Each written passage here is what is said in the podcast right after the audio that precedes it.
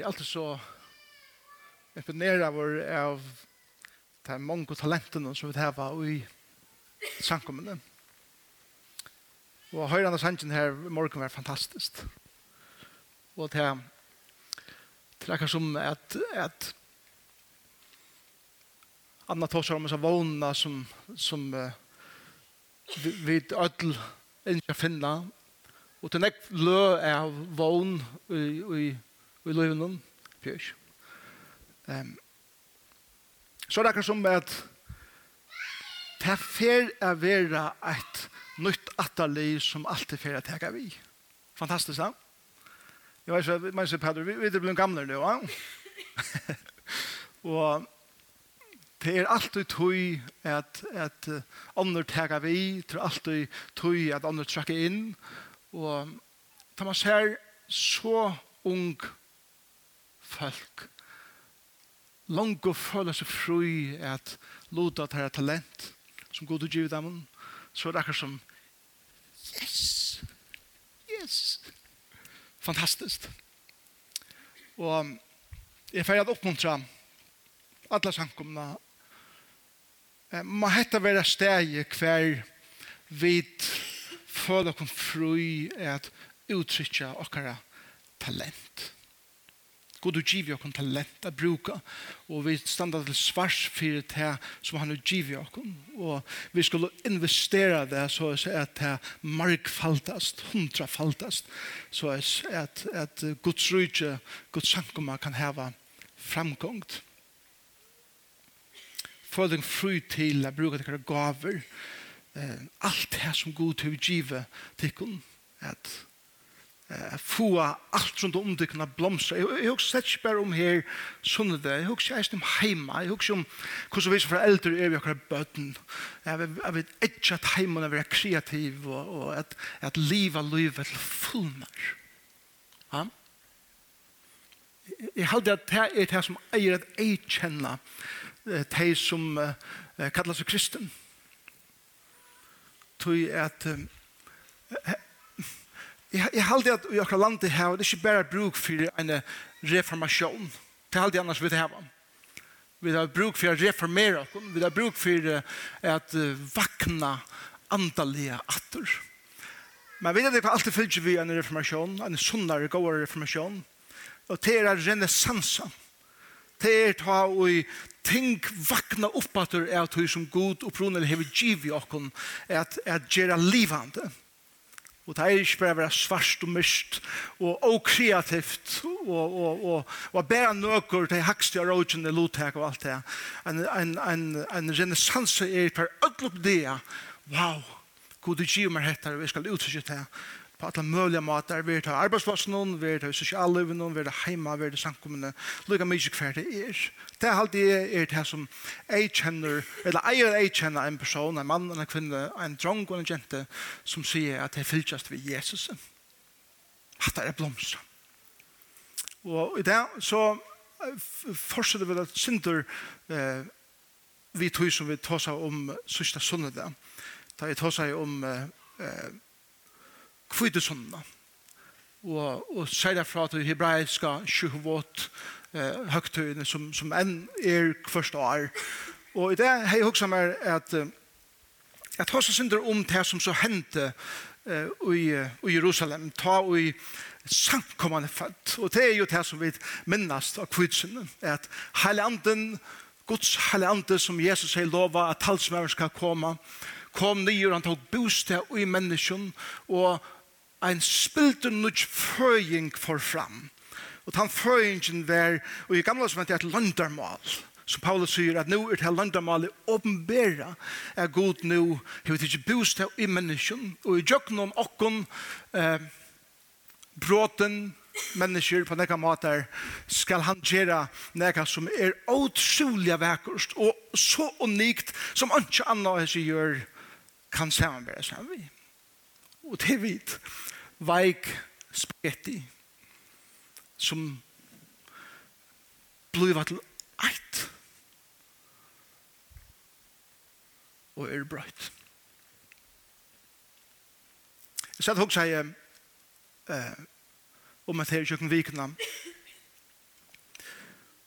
vi er 16 år gammel samkomma 16 år siden vi begynner Nekver hentes jo Arne. Og jeg satt og sier, forstår dere at anker fikk oppgavene at skriva en fragreiing om de første 16 årene i luftene.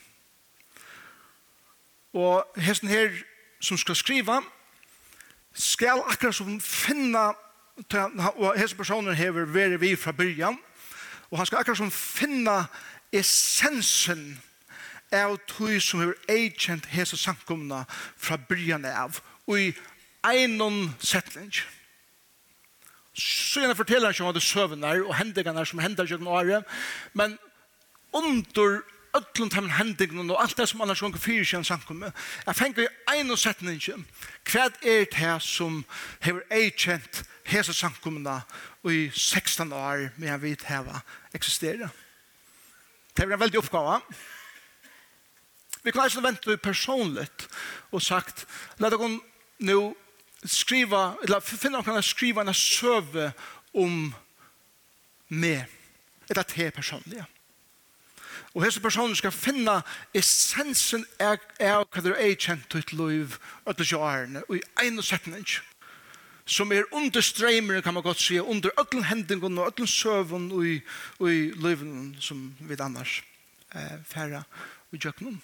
Hva er han setningeren ver, hvordan er de årene om te og med ljøa, og hvordan er setningeren om hese samkomne løvene ljøa. Vi vet at det var det som faktisk Lukas gjør det i apostlasøvn. Lukas ser det nye at skriva apostla søvna til en bok, fotlig søvn, til tøyden hun så deilig å lese, fotlig og fotlig søvn. Men så ser det Lukas nye, og han sitter ved pennen i hånd, og han huksar om, nu, nu får jeg skriva om samkommene i Jerusalem. Og han får jeg si, ta i huksar om alle søvnar og alle hendingene i samkommene i Jerusalem, kvært var det og i einon setninge som ei kjende samkomna i Jerusalem. Det første, aller, aller første samkomna som var. Og han fengt det ordentlig vel. Han med var en dårlig å skrive. Han var en god høvendur. Og han sier uh, til, og i noen faven åren, du kan få et her på plass her. Han sier til noen faven åren, åren i Apostelsøvende kapittel 2 og vers eh, 24. Hette er essenseren av tog som jeg kjente samkommende i Jerusalem. Og det heter, heter likla vers i alle bøkene. Tei, til ljósen av öllum som er hent nu, at, at, at, at heilandin kommer iver til 120, som er i rummen i erva, og de bia sammen, hele anden kommer, og Peter reiser seg opp og predikar, og 3000 var frelst og døpt henne der. Så de er de som han sier til her. De som nå tok og uh, vi ordna så vi sier at det var seg innført, var døpt, og den dagen løste tre dager som 3000 saler. Og så er det dette her. De held utrolig fast vi lærer apostlene til nummer 1. Og vi samfellet nummer 2. Og vi brei brodingene nummer 3. Og vi bønene nummer 4. Det er uh, mindre vi ofte brukt uh, som de, de fyra uh, beinene som halda en stål upp. Så, så hvis uh, hvis hesen her stoleren skal, skal uh, halda mer, så, så, så lyder jeg at han får halda mer til at jeg stand jo en ståler som har fyra bein. Hoksik ikke nå hvis ett av som bein var tidsi borster. Det er ikke vel lykka nevnt er at balansere. Hoksik ikke hvis tvei var tidsi borster. Det er vi øyld av steg her beint. Men, men jeg tror jeg stand da noen til at han har fyra bein som, som halda seg stålen. dette var det som jeg kjente samkomna i Jerusalem. Jeg skal, jeg skal sette bare lykke nevne noen ting som, som jeg kjente og søvn av oss samkomna. Men det første som jeg kjente i hese samkomna var etter at jeg hilde trolig fast vi. Og, og hese setningen er viktig. Det er helt utrolig fast vi nærkast. Det er ikke bare, jeg, jeg halte at vi jo kanskje ferdig at være en parser og sånn, jeg får sutja, det er ikke allen på hvordan god taler nere, hvordan god musikken nere, hvordan godt til tog med, og jeg vil ikke ha tøy, og så vil jeg, det er akkurat å øve til å tøy. det er at dette er noe som er et grundviri i min liv, og jeg får gjøre alt fire at dette er en parster av tøy som jeg kjenner søvn i min liv, dette er det som jeg halte fast på, og jeg halte om det, og jeg halte meg til det, Og det første er, og jeg aldri ikke at det stender i en ræfelse, ja, hva er det viktige som samkommet? Jeg aldri det bare fyra ting som er lykka viktig. Og det er så først læra apostlene. Og det er det er grunnkjattene av hva det er som skriften lærer. Læra apostlene, hva det? Læra, læra apostlene er det som Jesus lærte lærer seg, faktisk. Hoksa det kan hos mennene, ikke bare menn, og kvinnerne eisene, eh, de hadde fylst ved Jesus i ivet tre år. Ikke galt jeg lære meg større jeg fylst oss ved hjem. Og det så det ikke en skolabønge, det, det så det ikke som vi sier det at alt vender bare mot regnen, og sånt. Jesus involverer i det, og, og fikk det at få hendene skittene selv ved å involvere i, i alt møvlet som han sier, at dette er essensen av tog som er vil lære deg. Og, og ikke bare skilje det intellektuelt, men, men tek det nye hjertet og sånn ut av fingrene, at gjør en parst av livet. Fantastisk. Fantastisk. Og jeg vil ha fylst vi. Jesus jeg sier, jeg i årene. Og tror i årene ubyggving, kan man godt si. Tar tåk til, eller teg tåk til, jeg byrja, jeg tega det som Jesus lærte teg, vi er. Så han gjør under, så han gjør tegjen, så han tega om mennesker, så han tega seg av timen som han ikke vil heva nega vi er gjøre. Og årene til honom, teg matcha vi gjerne som han heier i løvene. Vidar det kvart.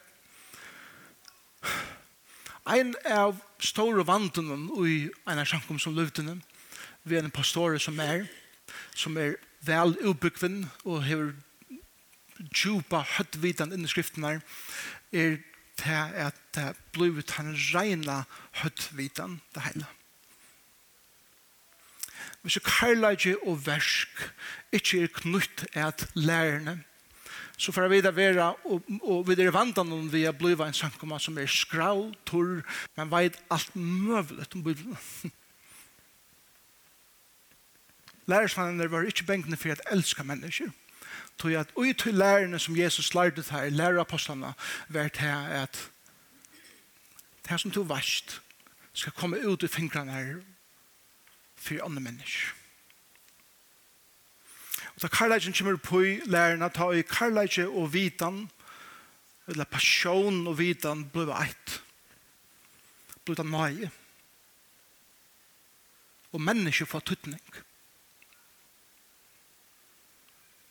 Vi har alltid det som er kjent i samkomne i Jerusalem.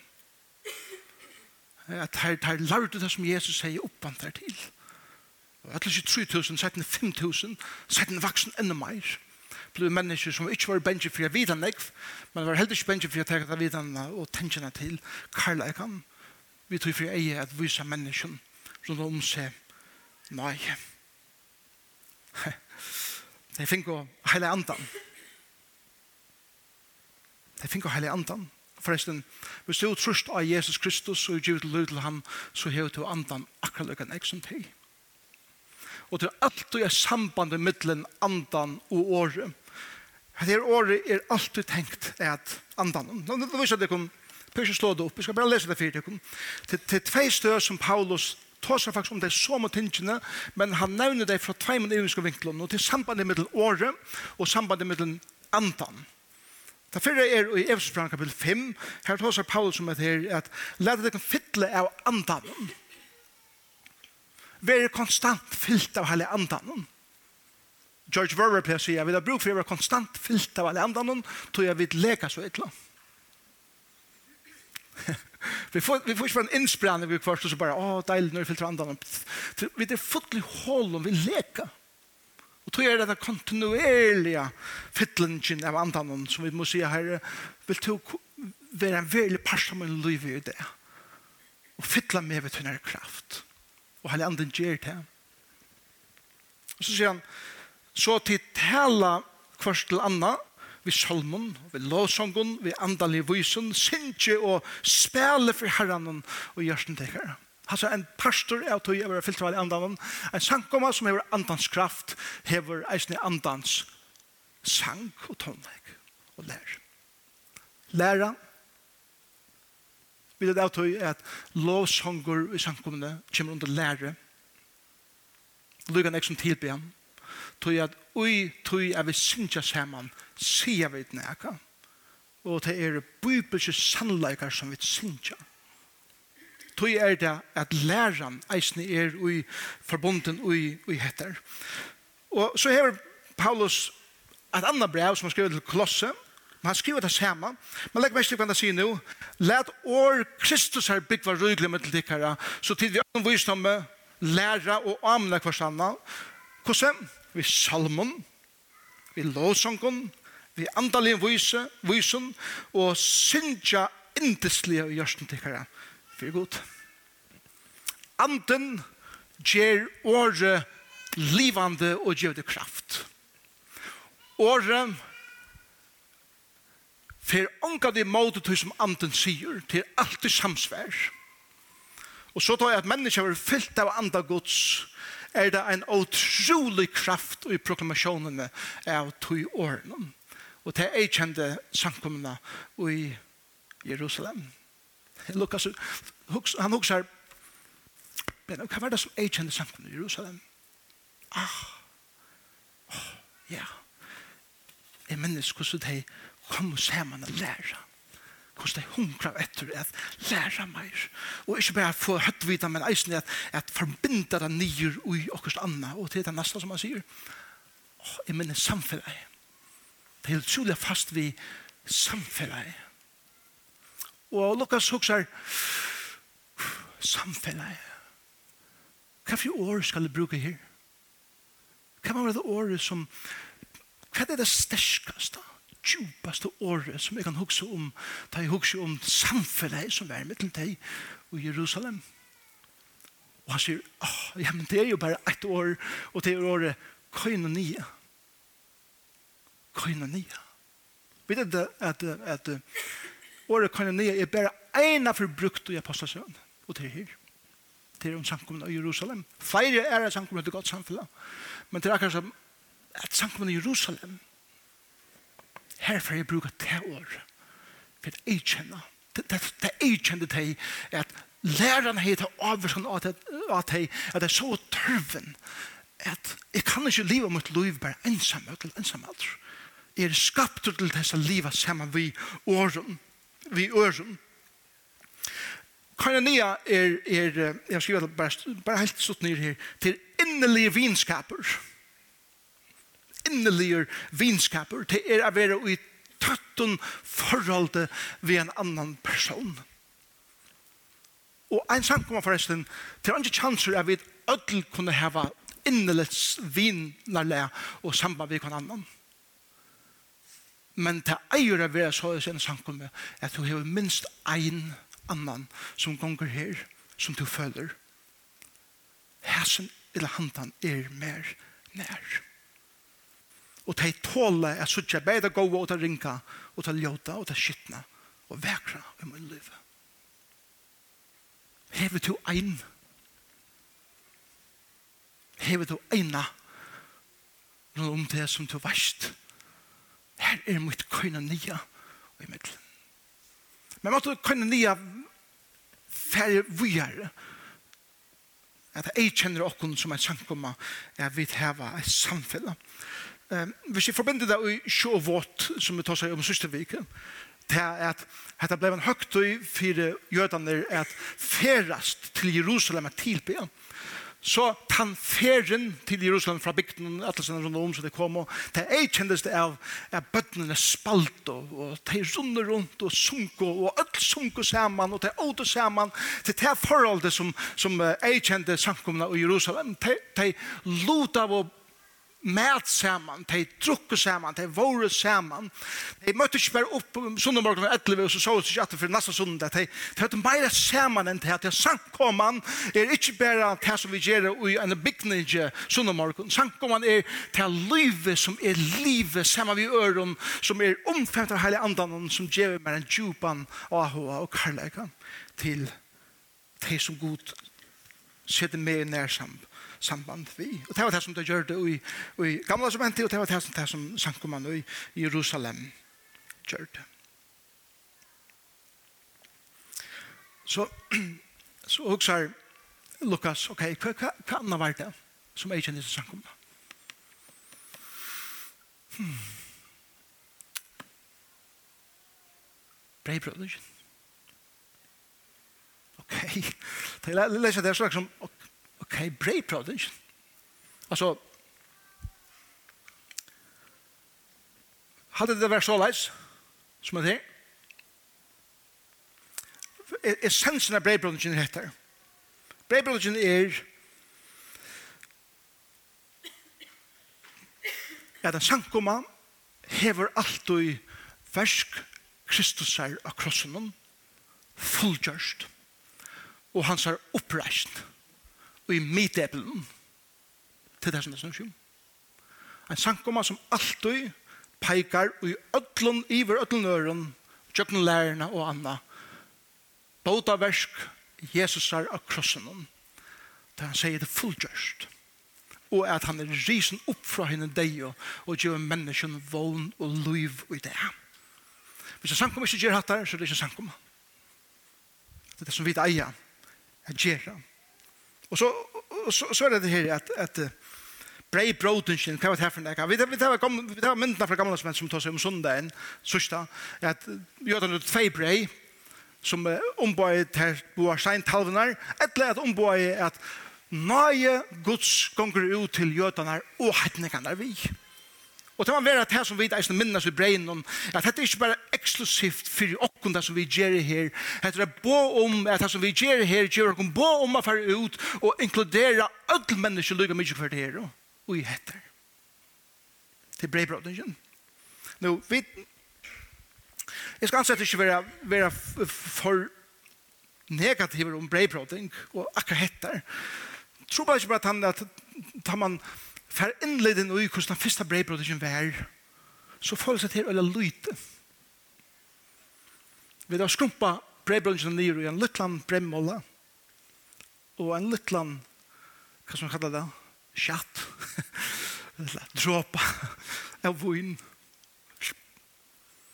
og så gong det rundt, rett til rett, med at alle vender vendt dere fram etter og gjør oss i mand. Og i løsene samfunnet,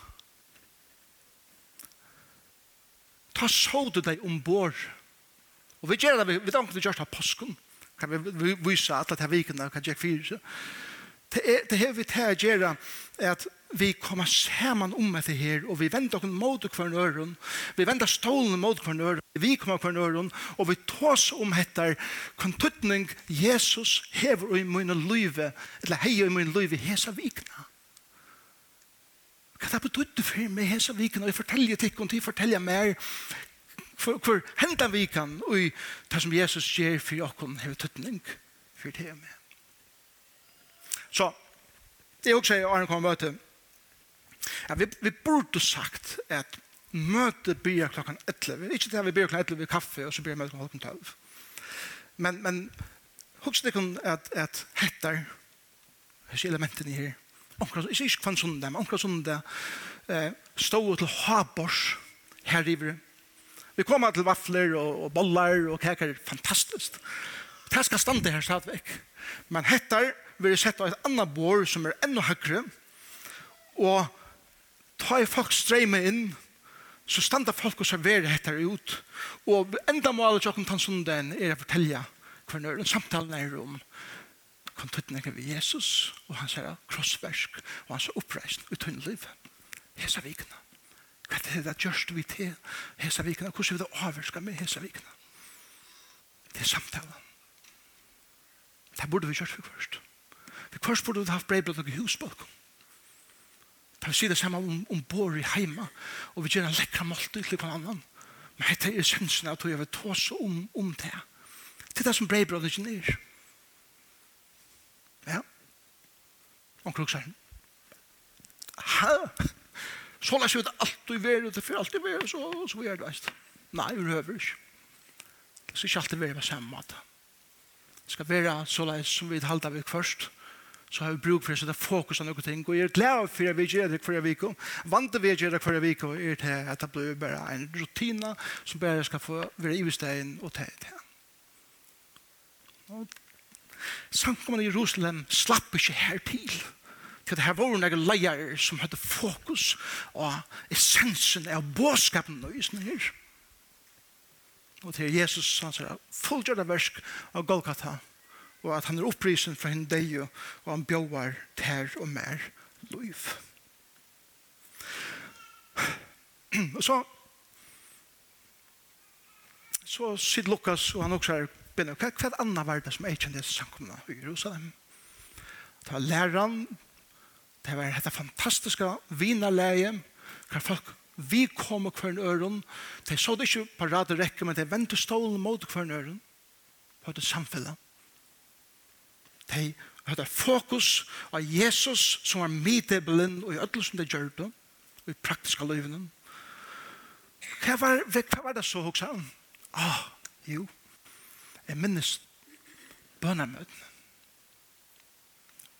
Jeg minnes hvordan de bo sammen. Jeg minnes hvordan de røpte av god. Jeg minnes hvordan de åpna sitt hjärsta for ödlon som de struttest vi i livet og bo og ånder bia som vissar in och i de områdene i livet så att god kan komme vi sånne kraft og göra et eller annat i livet så att Ja. Det er fjord. Vi vet hva bøn her. Bøn er at asama som tørv og gode. Til bøn. En person som ångade byer ser ikke som tørv og gode. Og hva det funnet vi har klaret det selv. Jeg er det her allermest. Jeg klarer meg utrolig alt selv. Men jeg er utrolig eikur. Jeg er et pikkelig spagetti som brottner. Men en person som byr er en person som avsanner at jeg har bruk for god i ødlom. Ødlom omramen liv. Det er det første som bøn gjør. Det er neste som bøn gjør.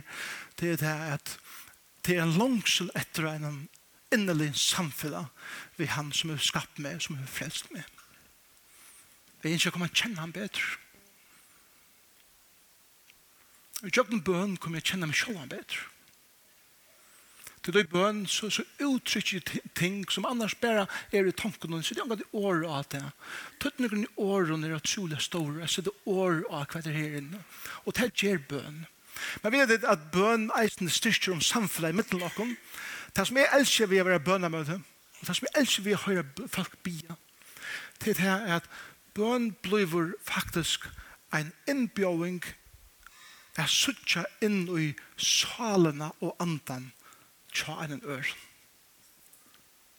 Jeg helst det at det som vi gjør den, så er det akkurat som, wow, ok, så hun ber om hatt eller hun setter jo året her, sånn, wow, jeg visste ikke at, at, at vi kommer til å huske om hatt eller følte hatt eller visste hatt eller livet her, sånn, wow, jeg kommer til å kjenne denne personen bedre vi er bia sammen med henne. Og da vi kommer sammen og bia, så er det ikke bare å nå kan lyste til å bli etter. Selv om vi sleis ned av det. Men, men det er ikke sensen. Sensen er etter at vi, vi kommer sammen og åpner salen for hverandre øren. Kan ligge jo i her, så er det vi sammen kommer til godt. Og vi vet ikke at Østle det er bønner, og det er kjent i sanken av Jerusalem, til en utrolig utløsning av kraft. Det er en utrolig kraft å ta og folk bia sammen. God er det på en måte, og felleksbøn. Utløysa en kraft som er negv sterskere enn bare at vi bia sammen. Vi har hendingar og apostelsøvende atter og atter og alle veginn kyrkjøsankomsøvende av hvordan det er en sannleik tid vi spør om en gang hvordan det blir til at vi ikke suttja det som første sang om han sa og, og hvordan suttja tegjen under og mennesker menneskjallu brøtt og så videre og jeg har lært svære den parste sværen og tog er at vi er så individualistisk Og et halda god skal gjøre så størst arbeid i min liv at jeg skal være veldig avvarskan. Men god sier, eh, eh, Hatt er ikke designet av tog som vi atler vi minner sjankomme. Designet, arkitekturen og byggnaden av en sjankomme er at det gjør kraft ta vi det saman om noen ting. Og de lyftene som Bibelen gjør og i nødvendigmente om ting som skulle hente i løven kjønn sikvande er alltid i løsen av at det er en håper av sikvande som, som opplever og gjør at de tingene saman til det som jeg kjenner bønner. Og forresten, sånn kommer samkommer være født med det bo. Med det bo, 120 folk, boom! Så åpenberes Gud i hele enden. Så, klokkan er vi er ferdig tjakken. Jeg må gjøre det bare lykke fyra hendingar i, i Sankt Jerusalem. Nå får jeg denne søvende. Hette er sensen det, det første som hender er det at, i, i kapittel 3 og 4, er det at det er en utrolig kraft som blir utløst.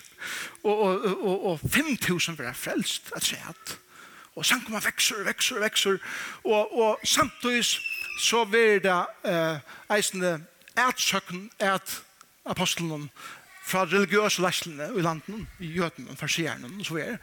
Men, men de standa sammen i enleikene korsene, og en utrolig kraft, og enleikje verer utløst. Det er det første som, som jeg kjenner til samkommet. Et annet som jeg kjenner til samkommet, og det er så vi i kapittel 5, og det er og det er ordentlig irriterant. Og det er det at ønsken er åkken, og ønsken samkommet slipper undan synd vi er stadigvæk syndere. vi har stadigvæk det holdtlig ui okken, vi har stadigvæk egoismene og, og kjølsøkene og, og få andre tjene mer og alt det ligger ui okken ødlom. Og det hender i kapittel 5. At ein seler et landa, annet som gjør, og han gjør det, så sier et annet per, hva skal vi for gjøre det samme, men vi halter oss ikke for oss selv, men vi leder oss om at vi har givet alt. Og det leier som er skudds iver alle samkomne i Jerusalem, og det kom øtti av ødel evesnir som hendte til å god tolererer, ikke synd, og forresten etter et sett. Ta og i er synde i min løyve, vær det personlig synd, eller vær det allmenn synd, så avvirker det tikkun. Det samme tar tusen der, ta avvirskar alle ånder rundt om om til. Så gjør det at ta i vitt liv og i synd, og vi kallar oss etterfyrtjer Jesus her, så fer han har kommet inn vi sunn disiplin i okra liv. For jeg reiser oss opp. Så så kraften kan være utløst enn for en. Og Golgata var domeren i iver synd feltur. Og Jesus dømte synd til deg, ja andalige løyve er at sikra og send, såleis at eldes eldre bløyve, tess meira bevustur er jo om synder min løyve. Legg, meg, legg vel meg til hva det sier. Jeg sier ikke at det er synder minne. Men er meira bevusster om ting som er gjør gale i livet, og jeg har stittre tog til å komme til herren og bli fyrkjøving. etter at det er menneskene som er sære, jeg blir fyrkjøving. Og ein dag skal synden være tidsen bort. Men det er ikke for vi kommer hjem. Hette, kjære tid, skulle vi sleipa og på alt akkurat liv. Men hele anden kommer og gjør oss kraft. Og da sier jeg et som annet som jeg kjenner samkomna. Det var at det ble knarr og grenj. Amen. vi leser kapittel 6 om at eh, det hebraiske antjenar og det er griske antjenar for å grenje om at det er for mer enn vit, det er for bedre tjenest enn vit, de, de har det er bedre enn vi har det, og det blir det grenje fra limen og i samkommen. Forresten, det har vi haft alle tøyene. Og det har vi denne der det har vi her, nekve okkun okken, dama vel, er grenja, om i mest som kan gå fyrir seg samkommende at å, jeg vil jeg som det skulle være bedre, det er kjela kvar med bøten her, la ungdomsarbeid, her borde vi hattar, og låsang borde vi hit, og tjena borde vi hattar, og kom, tjena mer tjena vi vet alt heva hattar. Alle heva du, Jakob, så pur ærlig. Jeg skal vekk. Nei, Det som samkomman gjør det var at vi har brukt for at organisere oss. Det var faktisk det som apostelen gjør det. Det var så underdukter av knarre fra følge, at jeg følte at vi, vi klarer ikke å holde oss til til at lære dette følge til at vi skulle nå knappt stand og tjene øtlen. Så det organiserer oss. Så jeg sa at alt blir involveret i å bruke sånne gaver. Og det er det som er sankum er her tid. Og det er det beste og i måte grenje i sankumne. Det er å organisere seg så mye vel og forresten, det er ikke andalet vi organisasjonen, ta det gjørst i Jesus navnet, og vi, vi en eimugere, eimugere andans kraft, så er det at vi involverer, jeg bruker sånne gaver, jeg henne hver nøren vi. Her er ikke amen her, og det er ok. Jeg er størst amen innan henne. Amen. Så det er et man ikke cruise ship, Man får cruise ship, man får ordentlig hugga seg og det er fantastisk og alt det. Sankt om man er nekk meira fiskeskip og et krukskip. For ødel kjenner sina posisjon at hvis jeg ikke stand i her, da jeg trålet kommer inn, så er dette en mangel og åkers kan hente. Trolig er stand og sinne sted og tjene hver nøyren er utrolig viktig det en om. Men vi vet ikke at er i en om her. til det er vi at ødel bryr tjene hver nøyren inn etter sånn jeg, er vi vil være bæra nalva skoant. Det er deilig å løvden til at her får vi et alt servera og bla bla bla. Og så vi er. Og Gud sier, men var det her som jeg tar samfunnet til? Og så hender det i kapittel 6 og kapittel 8. Til, til at en maver som heter Stefanus vi er tidsen til Sujus, som er steinar til deis, første martyren. Og det stender i sista versen i kapittel 6 at det er lødde å klæg hans herre vi fødnar til en mann som heter Saul. Så det første verset i kapitel 8, at han dagen begynner i en stor tøyning og ætsøkt av de kristne. Og de kristne var spjatt ut om alle landsparsene her rundt om.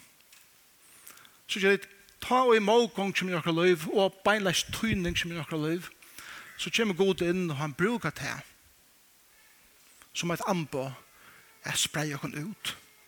Vi tror vi eier at ære samkommer byrja. Og båskaperen fer langer og langer ut. Og vet du hva som geniale god er? Tan maveren, som er skiltene her, kan man säga, som er et saul, er samkommer, boom, kan ble spredt ut om alt. Blei eisende maveren som god brukte settene til å få samkommer spredt ut enda langer. Til at maveren Saul blei maveren Paulus. At han er mette Jesus. Så om tid det var folket til Kraløy, kan du si at det er ungen vogn for hånden til henne, men til Saul, som ble Paulus. God skal i synet høy, teka seg av teimen, som kanskje vidt halda vold og kun etsøkn og målgångt til å bli til folkene, som blir hans herre største sikning.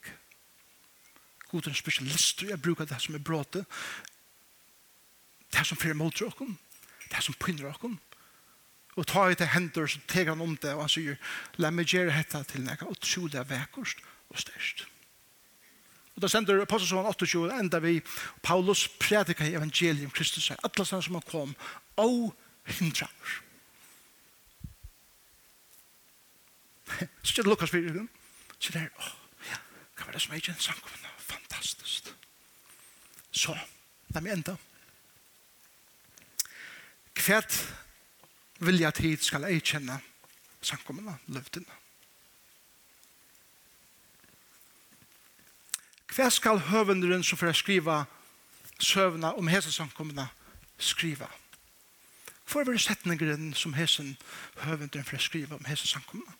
Da er ferden, tid er i færen, er nytt atali, hevet ikke vi, og de hugsa atter, hva er det kjent samkommende fra byrjan av? La meg lese enda settene for det som er hei vågna ei kjente Jesus sankomna og det heter at sankomma som stevner etter antalligere tilvitan. Antalligere tilvitan hva er det? Det er å være tilvitan om at alt i min liv 24 tjej som hender mer her er et antallig perspektiv som god kan gjøre og meddele av vekkert. Det er det første. Så det er ikke bare å være sånn og morgen, tikk, når vi gjør det etter disse vikene, men alt, livet, hver hending, hver tanke, hever alt og et andalitt, eller andalig iveskrift, som sier, wow, hver er god akkurat i hese søvende? Og hva vil han gjøre? Og i tjøkken hese hendelsen må løve, eller at møte hese personen, eller henne personen, og i hese samtalene, vi er gjerne med mer enn du kan se. Det er det første. Så gjerne, en andalig tilvit som gjør appetitt til andalig boning. Ok? Appetitt. Det kommer svenkan etter at bonast andalig. Det er ikke bare mer vitan, eisen er mer vitan, men eisen er at vitan er veldig krøkt og på seg krokene som gjør gjøre rom til alle hendene av min liv, vi tror jeg at jeg skal bonast, jeg skal bli vaksen, jeg skal tenke sunnere avgjør i livet, grunn av appetitten som er fire hesen årene, som er min velhære. Og legg meg ikke til at jeg sier antallet av tøyene til etter alt og ljøsen av, av andans nerver i akkurat livet. En appetitt til andre boning, og nummer 3, som åpenberer tørven og andalion samfella. Kaina nye. Som åpenberer tørven og andalion samfella. Legg meg ikke til å si tørven. Det er at, at jeg er veldig bevisst at ikke jeg bare klarer meg selv i livet men at jeg må leve mitt liv i ljøsen av øre mennesker som har rundt om meg at jeg ser av mer og er av teimen et antallet samfunnet. Og så gjerne kommer til det sørste. Og så gjerne, altså et andre samfunn, som så gjerne samler alt her til fondet, til det som er utdynnet andalige tjeneste. Og det er ferdig ut av en avvarskan, her som vi kommer. Vi er mye leika at tjene øren menneskene.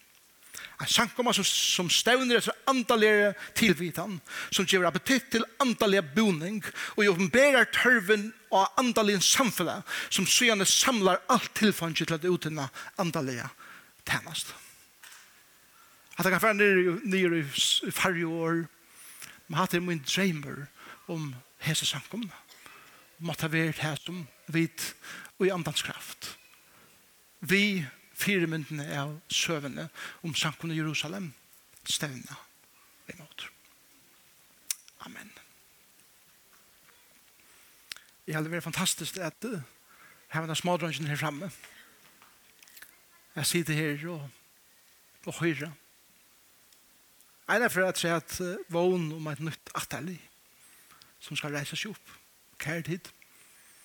De unge bøttene er akkurat fremtid og måtte vi lagt ut hei han er karlægan og appetitten til å fylkjast vi Jesus fantastisk slå bia saman.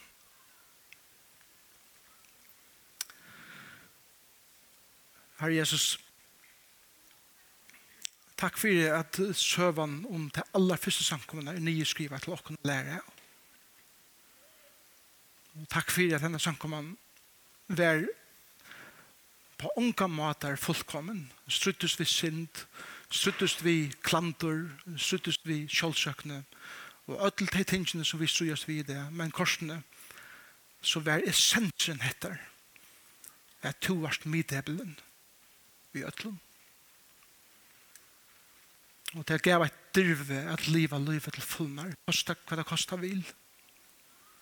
Og måtte det eikjent okkons og sankommeisne. Vid, så ofullkommen, så bråten.